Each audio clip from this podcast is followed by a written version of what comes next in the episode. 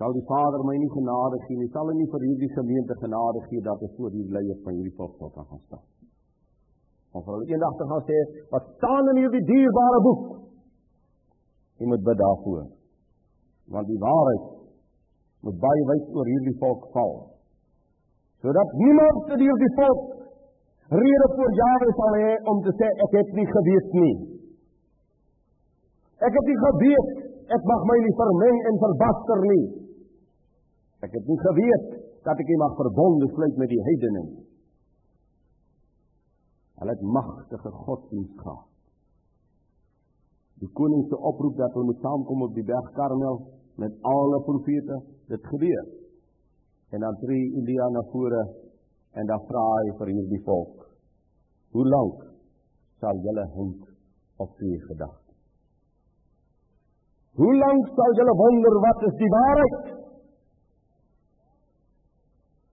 Hoe lank sal dit vir julle neem om 'n pertinente keuse te maak vir Jahwe en vir sy naam en sy eer en sy koninkryk?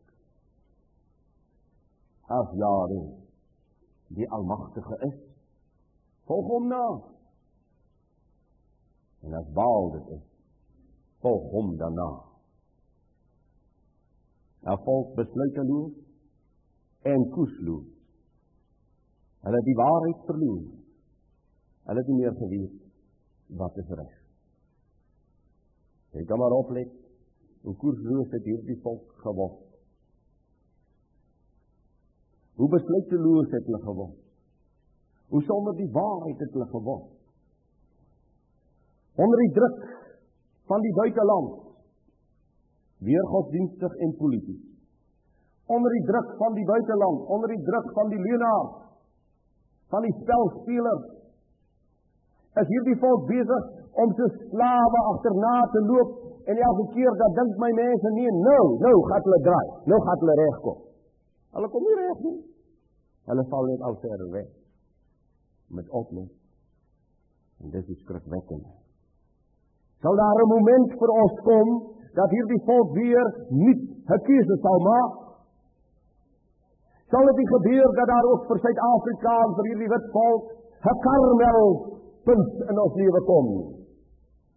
Roep julle dan die naam van julle God aan. En ek sal die naam van Jahwe aanroep. En die een wat met vuur antwoord.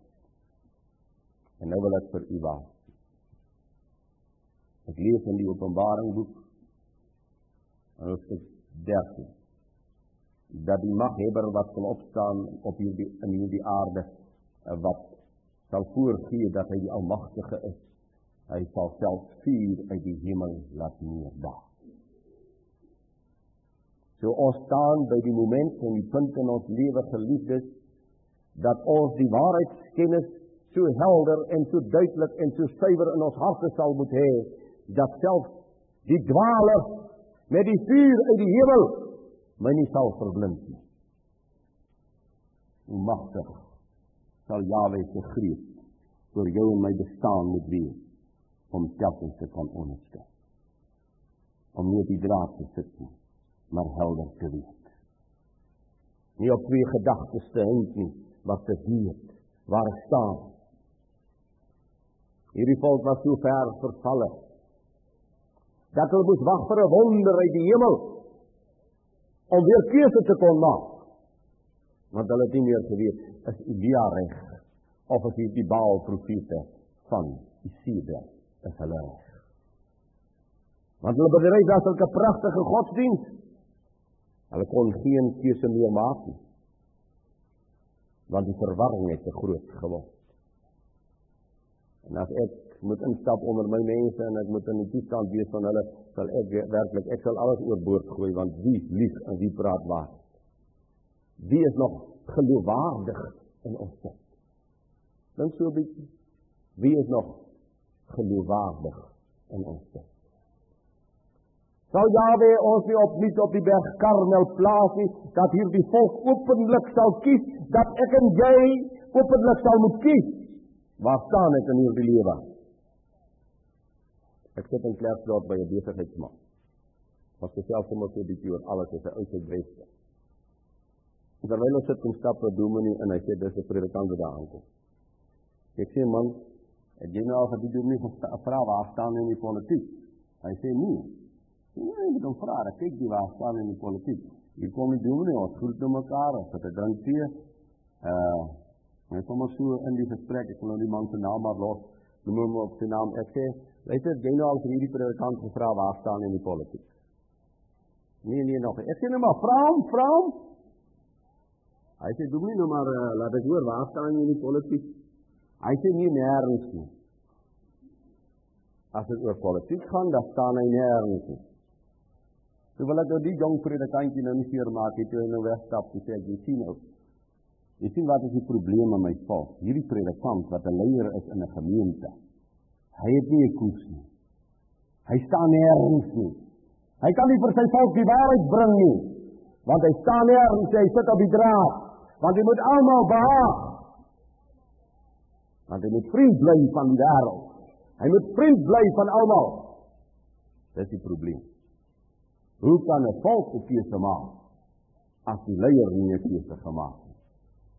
Hoe kan 'n volk 'n pad loop as die geestelike leier nie 'n pad loop nie? Hoe groot het die skyn nog steeds geword? Hoeveel hoeveel van my mense sê nee, he? Dit is nie my naaste nie, maar ek moet die evangelie aan hom verkondig. Hy word my broer in Christus. Maar hy is my naaste. Hoe die dinge bymekaar kry, weet ek hulle ek weet nie. Verskriklike tragedie. Die skyn, die verskriklike skyn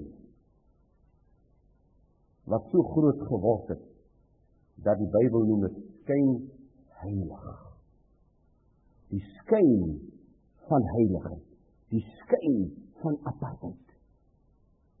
Mag ek dit maar vanmôre weer 'n slag op band sê, ek moet ontmoet hier so en na teruggekom het uh twee twee vriende van groot drink.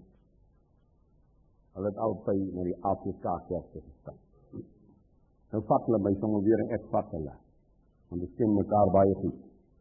Ek sê nou hoeveel duisende rande die APK kerk nou aan die sending gee? Nee, die daar bestaan nie iets die afte agter. Ek sê daar duisende rande deur die APK kerk weer aan sending gespandeer. Duisende rande. Ek sê gaan vra julle dominee man. Gaan vra hom. Hy moet dit tog vir julle kan wys. Ja, as dit waar is, as dit waar is, loop hulle net môre. Ek sien my mense, fiks nie, ondersoek nie, luister nie. Hy het 'n godsdienstige stelsel. Hy het 'n godsdienstige stelsel wat deur sekere aspirasies van hom tevrede stel. Maar hy kom nie by die koninkryk nie en hy kom nie by die waarheid nie.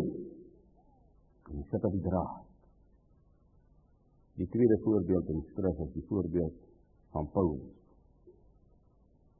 Paulus gebruik die woorde gees en vlees. Jy is daarom nie vol uit vlees nie en jy is jy is ook nie vol uit gees nie. Jy is so tussenin.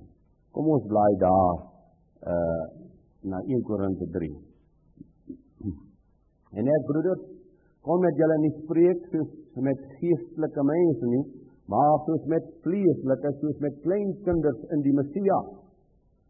Ek het julle met melk gevoed, nie met vaste spys nie, want julle was nog nie daartoe in staat nie en julle is nou nog nie daartoe in staat nie omdat julle nog vleeslik is. Want aangesien daar onder julle jaloesheid en twis en tweedrag is, is julle nie vleeslik nie. Wanneer dit sê die gees staan teen die vlees en die vlees teen die gees. En hierdie verskriklike botsing wat een ek elke dag in ons lewe ondervind as ons by die Heilige Gees wandel. Hierdie vlees en die vleeslik is ons nog. Hoe doen ons nog die dinge deur die vlees in plaas van deur die gees? Hoekom is ons so swak geliefdes? Hoekom is ons so strompelend in ons geestelike lewe? Omdat die vlees nog so sterk is in ons. Omdat dit nog so sterk spraak, spraak krag het in ons. Die vlees, die wêreld, die mensdenke, die tydelike denke, Dit bring 'n vreeslike tragiese toestand in ons na vore.